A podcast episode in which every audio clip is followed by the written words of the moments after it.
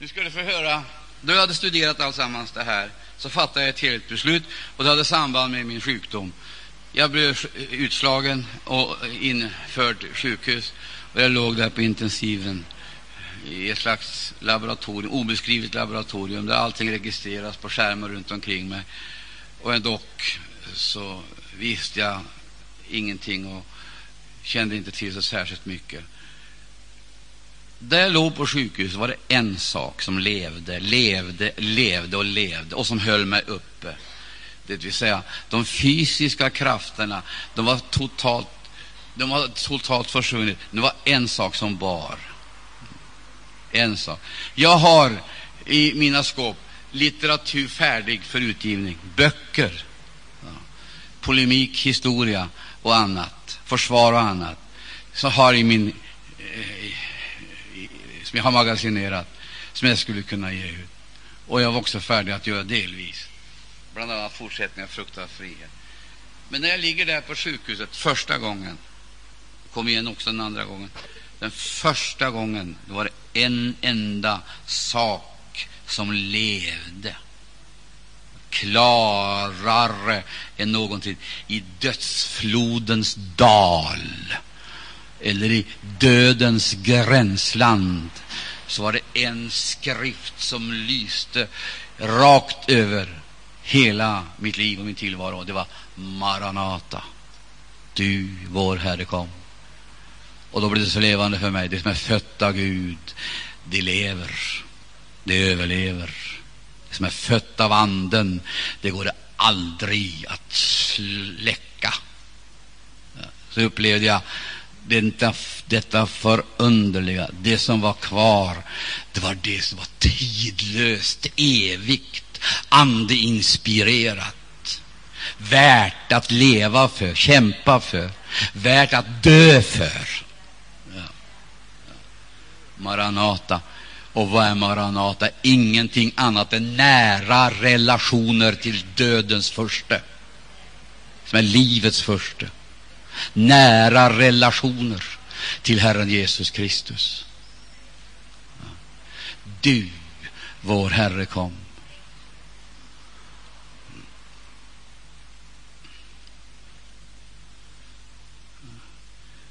Halleluja.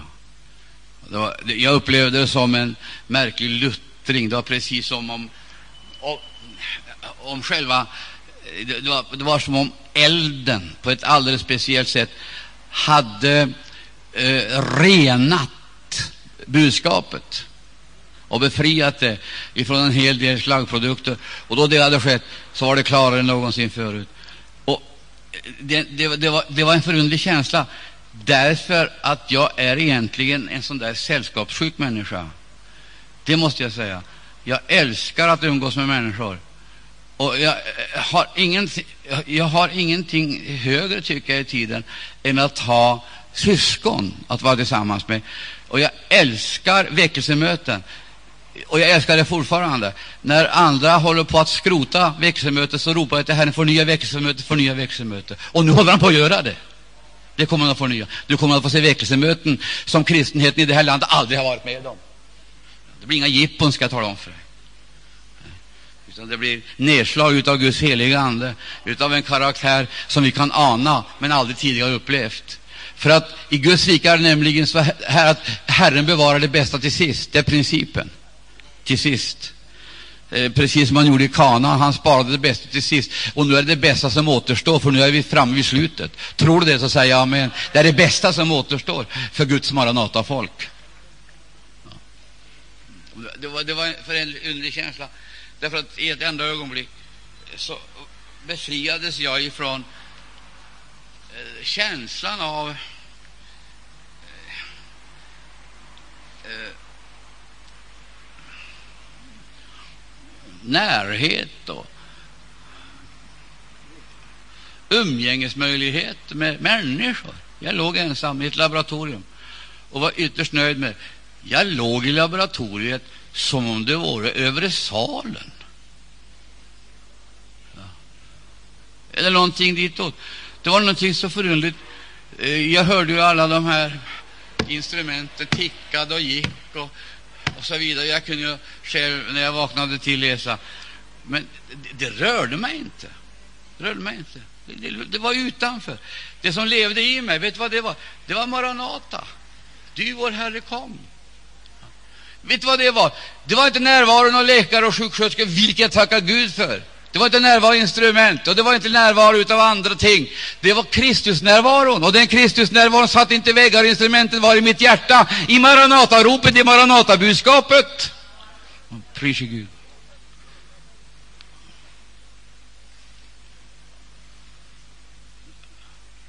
Det var en ödes avgörande upplevelse.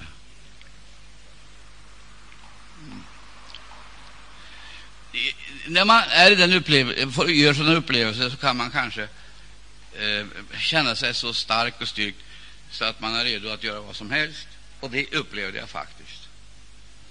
Ja, jag, jag sa, Herre Jesus Kristus, det finns ju inget underbarare. Det finns ju inget härligare. Det finns ju inget viktigare än just detta.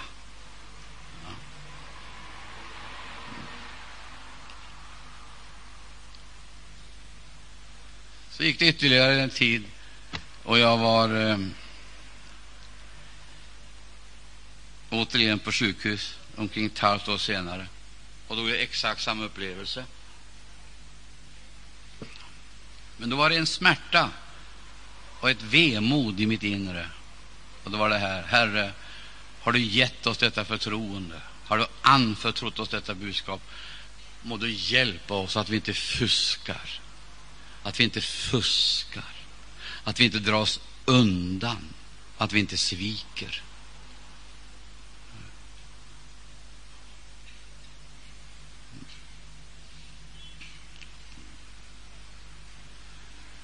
Och då fattade jag det här beslutet. Käre Gud, kommer jag ut nu, då ska jag omedelbart sätta igång och skriva. Jag ska omedelbart sätta igång och skriva. Och det stod så klart för mig vad boken skulle heta. Maranata, du vår Herre kom.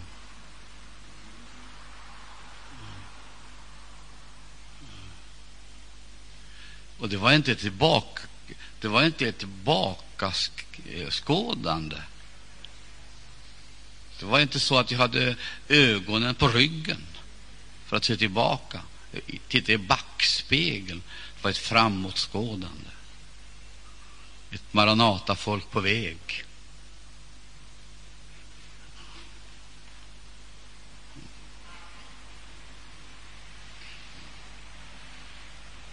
Maranata, du vår Herre kom. Och den skulle ha följande kapitel. Maranata, Maranata-folket, Maranata-budskapet, Maranata-vittnet, Maranata-mötet, Maranata-sången, Maranata-evakueringen. Den boken är en utgivning. Den kommer om ni hjälper till med utgivningen. Vi tänker inte använda moderna metoder, inte heller moderna grafiska metoder. Vi tänker gå tillväga på ett annat sätt. Du kan vara med och hjälpa till. Och så slutar jag den här avdelningen en annan i några minuter. För en tid sedan så förekom det ett frågeprogram i ett av medierna. Jag minns inte riktigt säkert om det var i TV4. Det var i alla fall ett frågeprogram. Och då är det en sekulariserad svensk som ringer dit och så frågar vederbörande Kommer Jesus tillbaka? När kommer han? och hur.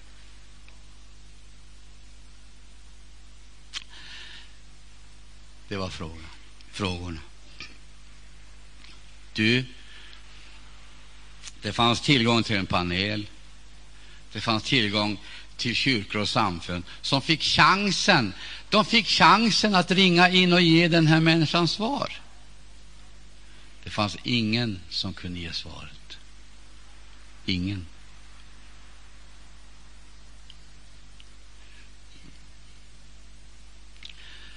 det är självklart ett fattigdomsbevis. utan att uttala mig om den saken i övrigt, så är väl det här något typiskt för tiden? Är det inte? Oklarhet.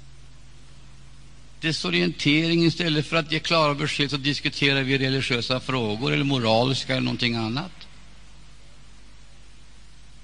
Vår uppgift det är ju att proklamera.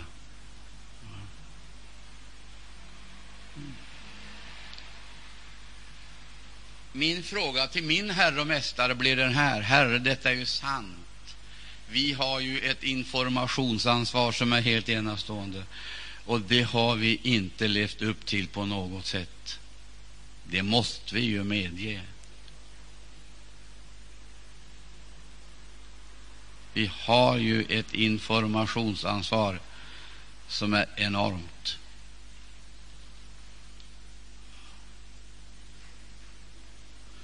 Och vem skulle eh, predika detta, proklamera detta, om inte vi gör det? Vem skulle göra det? Om vi väljer eh, att eh, förtiga av olika orsaker mm, som vi menar är är tillräckliga skäl för passivitet i det här avseendet. Då är ju bara att konstatera att vi har ett väldigt informationsansvar.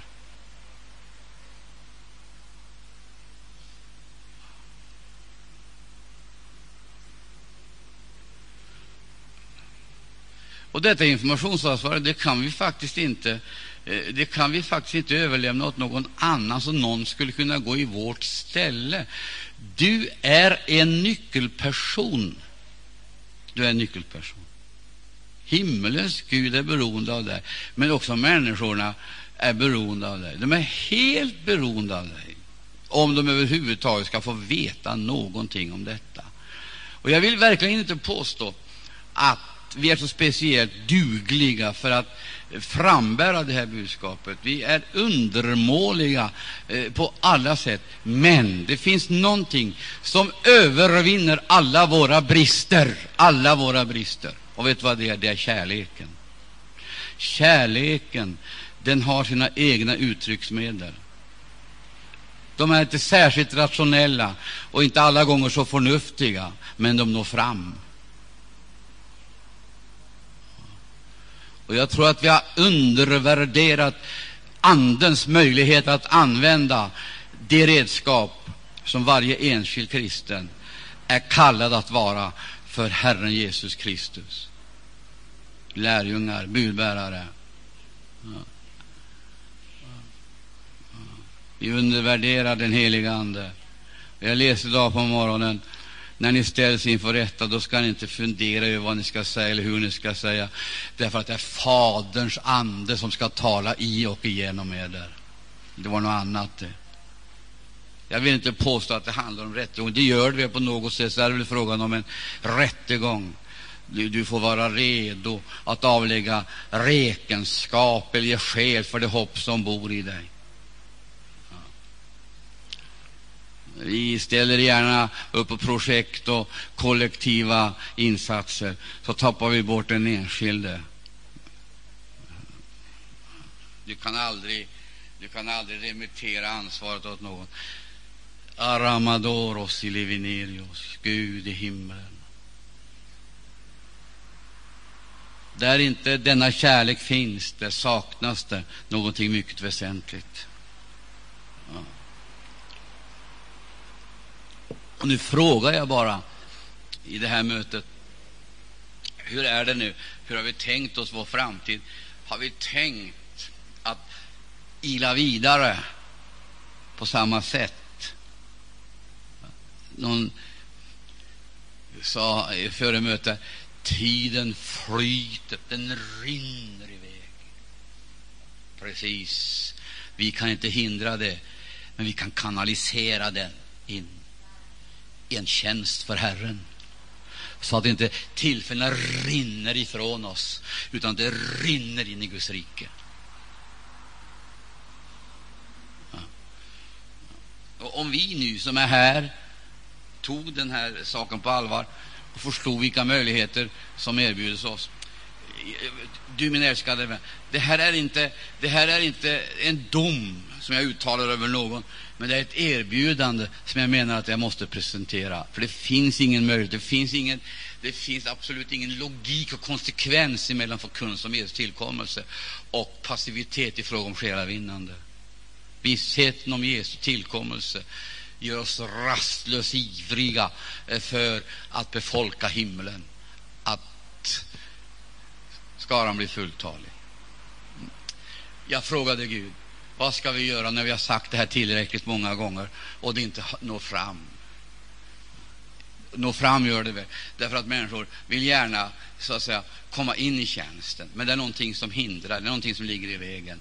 Hur ska dessa personliga hinder av olika karaktär så att ska kunna besegras och övervinnas? Det finns en generell, universell, universal metod.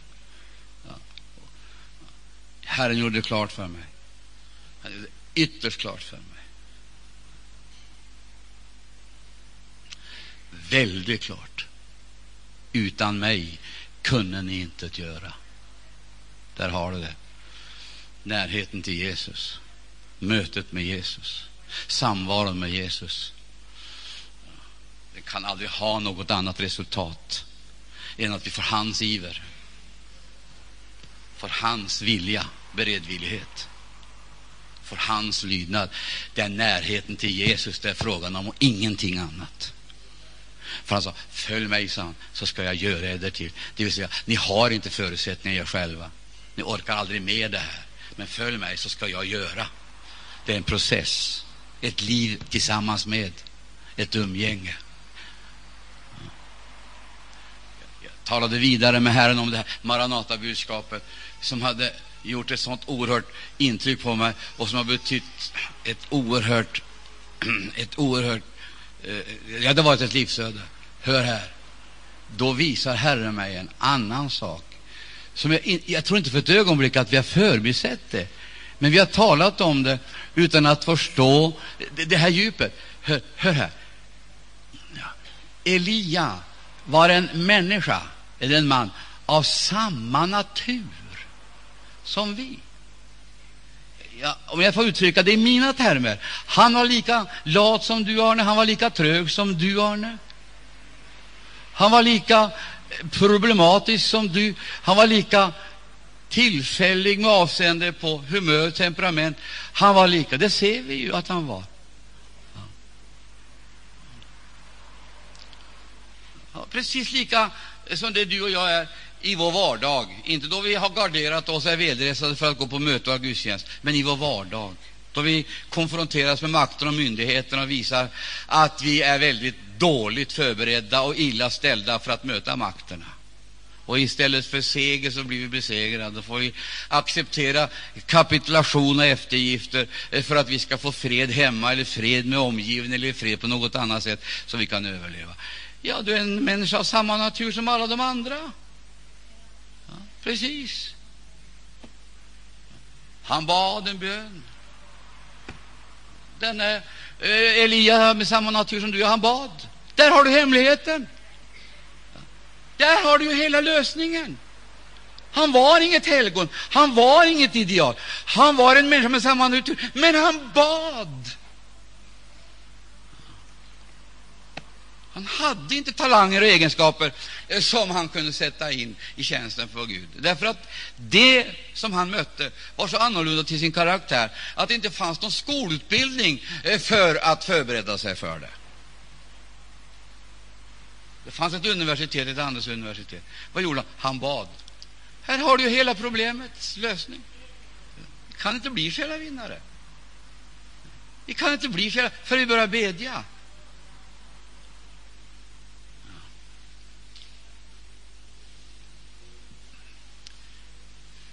Åh, vilken värld som öppnar sig!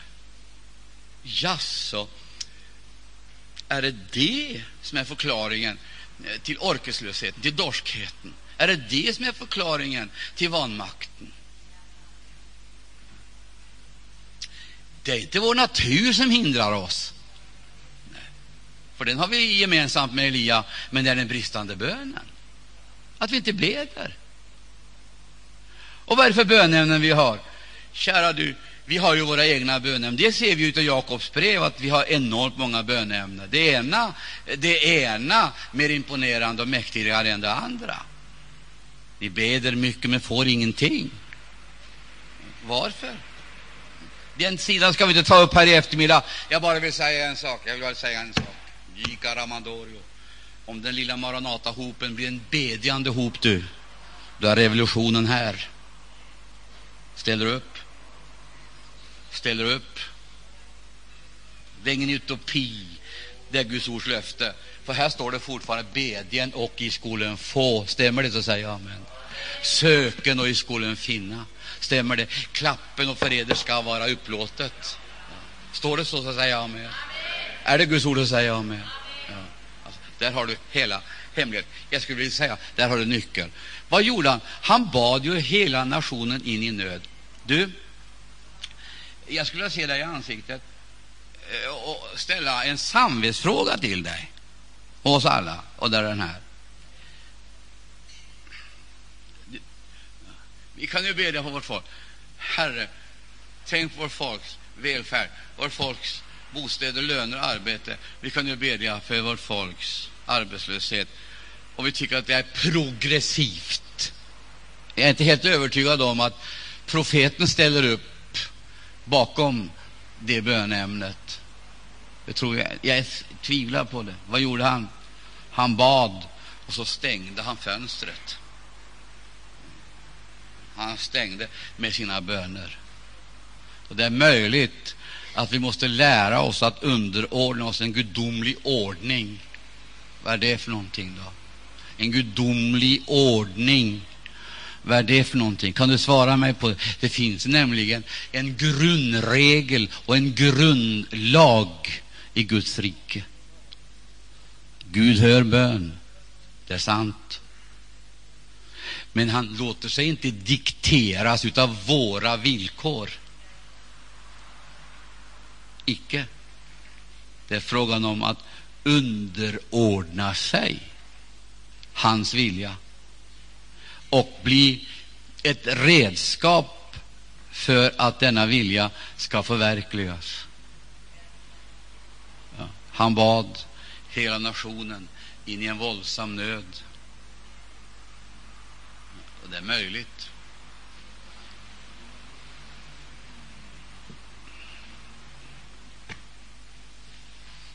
Att vi kommer att få uppdrag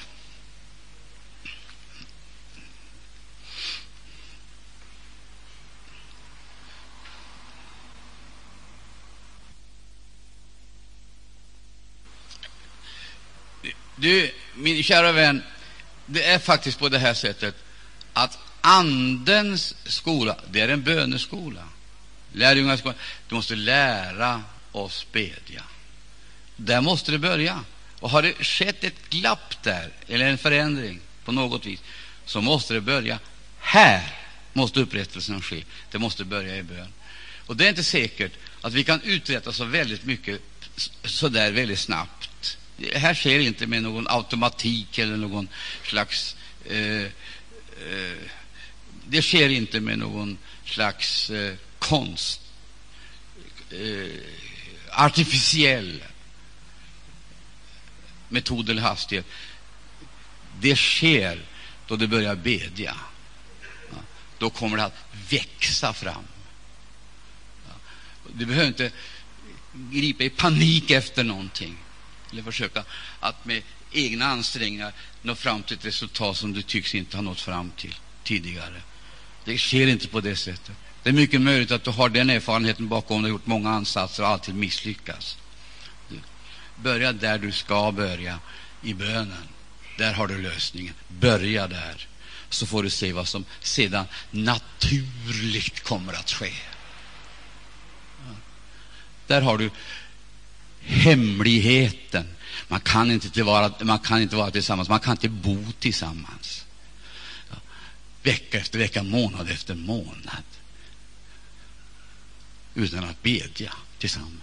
Det är en omöjlighet. Det är en omöjlighet. Om man inte har gemensamma böneämnen när tiotusentals människor var förlorade. när man inte har gemensamt böneämne, när man ser ljumhet och slöhet och likgiltighet. Man kan inte bo tillsammans, vara tillsammans utan att bedja. Det, det, är, det, det är omöjligt att fungera på det sättet och bekänna sig tillhöra väckelsefolket, Maranatafolket. Det är ett skrymteri, en dementi på all verklighet. Hur ska man lösa det här? Förmodligen är det på det sättet att det inte går att få med alla. Och sådana här appeller som kommer, de kommer många gånger överraskande, fastän de på något vis täcker ett behov. De motsvarar ett, en längtan. Därför att den som har smakat något av Andens eh, liv och Andens värld har djupast nere i under allt annat denna längtan att återförena och, och återknyta eh, kontakten med den här ursprungliga livskällan. Vänta inte på andra. Vänta inte, vänta. Det är inte tid att vänta. Det är tid att inviga sig i denna tjänst. Ja. Jag ger dig Börja bedja. Börja bedja. Jag säger igen, ta det här på allvar.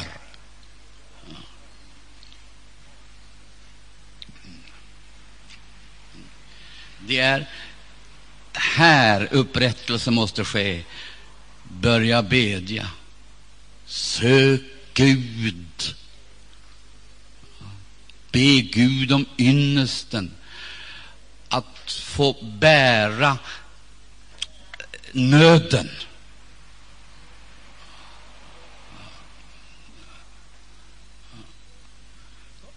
Så ska du se vad Gud gör. Gud kommer att leda dig in i dessa uppgifter och han kommer att ge dig böneämnen förtroendefullt kommer att få böneämnen. Därför att han döljer ingenting för sina tjänare. Han uppenbarar och han leder fram de rätta böneämnena i rätta tiden på det rätta sättet och med de rätta orden. Jag säger det igen. Jag nöjer mig med att säga det här. Det finns naturligtvis flera ting som kunde lägga till detta, men begynnelsen är bön, och har bönens altaren rivits ner, då måste de sten för sten byggas upp.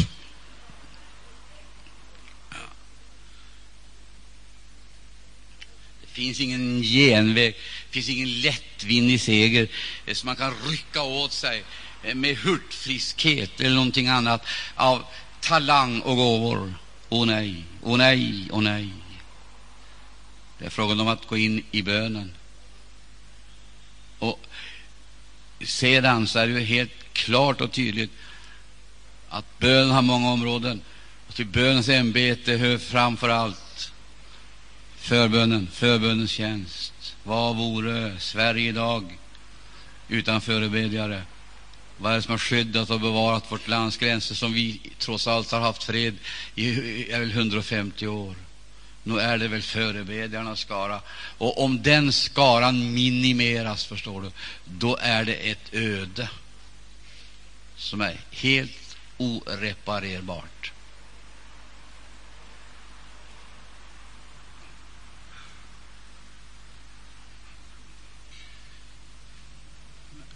Fundera på det här i några sekunder. Hur är det egentligen? Är det inte där själva hemligheten ligger?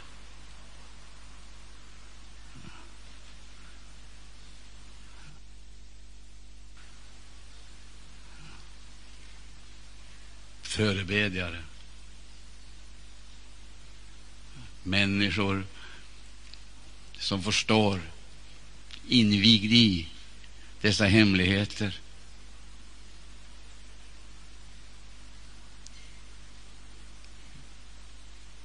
Är det ett problem för dig?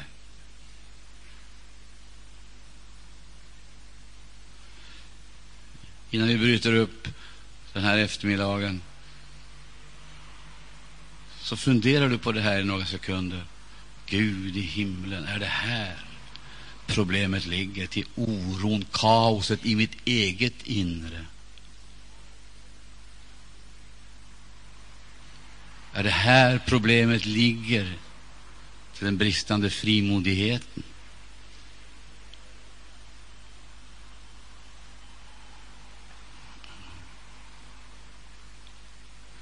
Den slocknade missionsivern. Är det här det ligger? Tänk i några sekunder.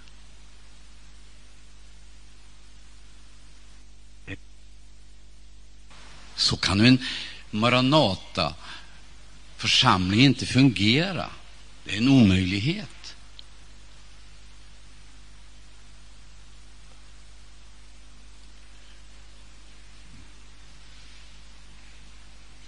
Här har du hemligheten till, jag skulle kalla det för de största svårigheterna, största problemen. Här har vi själva kardinalpunkten för lösningen. Det är intensifierad bön. Ja. Och sedan, om jag är på en plats där jag upplever ensamheten, så är den ensamheten bara ett sken. Det är ett sken. För verkligheten är den att du har egentligen en andlig gemenskap med alla de som beder. Antingen det är hundratals mil mellan dig och bedjarna, eller att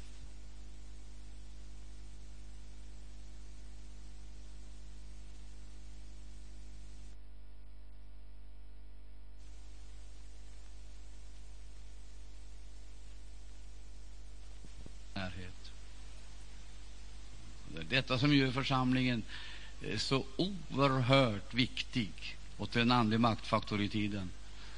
Bönen besegrar avstånden. Gud vare lov och gör det möjligt att fungera tillsammans. Så jag frågar, är du mer här som känner Herre Jesus Kristus? Det här måste jag få gå in i.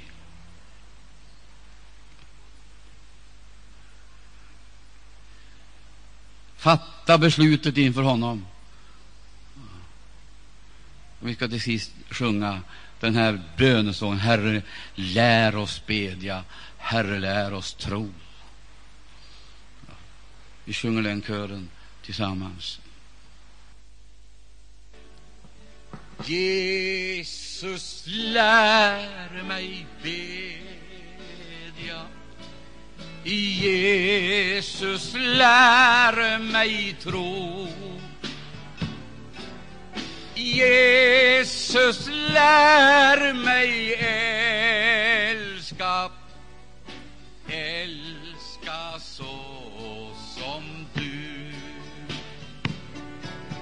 Jesus, lär mig älska, älska så som du.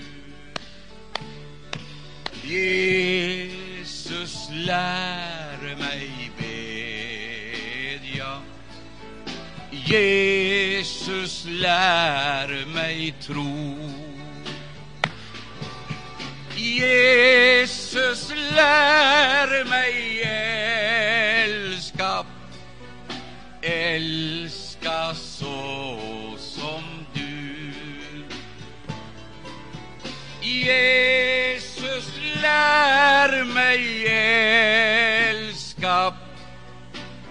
älska så som du. Vi sjunger det här en gång till. Så låter vi det gå in över oss. Så sjunger vi hela vårt hjärta. Jesus lärde mig även jag Jesus lär mig tro. Jesus lär mig älska, älska. Jesus. Jesus lär mig älska, älska så som du. Jesus, lär mig bedja. Oh,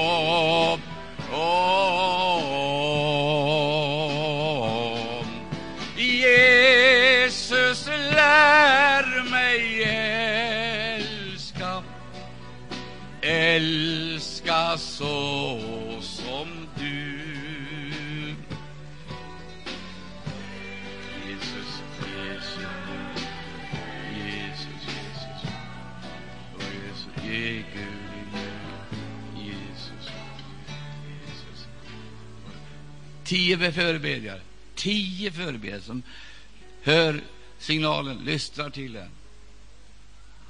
tar emot och låter gå in över sig. Det kommer att betyda mycket, mycket mer än allt annat vi kan åstadkomma just nu. Just nu.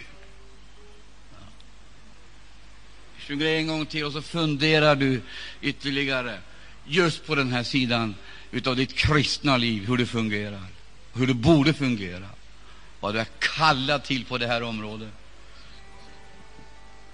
Hur Gud kan använda dig. Jag kan alla vara med undantagslöst. Varenda en kan vara med. Vi sjunger igen. Jesus, lär mig bedja. Jesus, lär mig tro. Jesus, lär mig älska. Älska så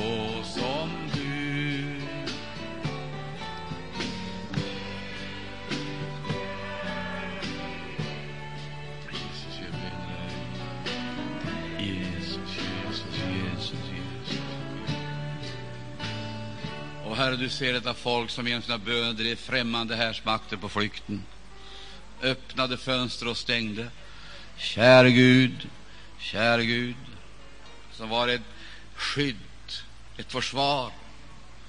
Gode Gud, till räddning och frälsning. Jag frågar er, är det någon här som upplever, oh, kära Herre Jesus Kristus, jag hör din röst, jag vill gå in i detta, ta emot din kallelse, men tänk dig för. Tänk dig för. Är det ett beslut du har fattat, och en längtan du äger, så låt din hand gå mot höjden, så ska vi be tillsammans. In, Herre, det har gått in i hjärtana. Käre Gud, Gud välsigna dig där. Gud välsigna dig där.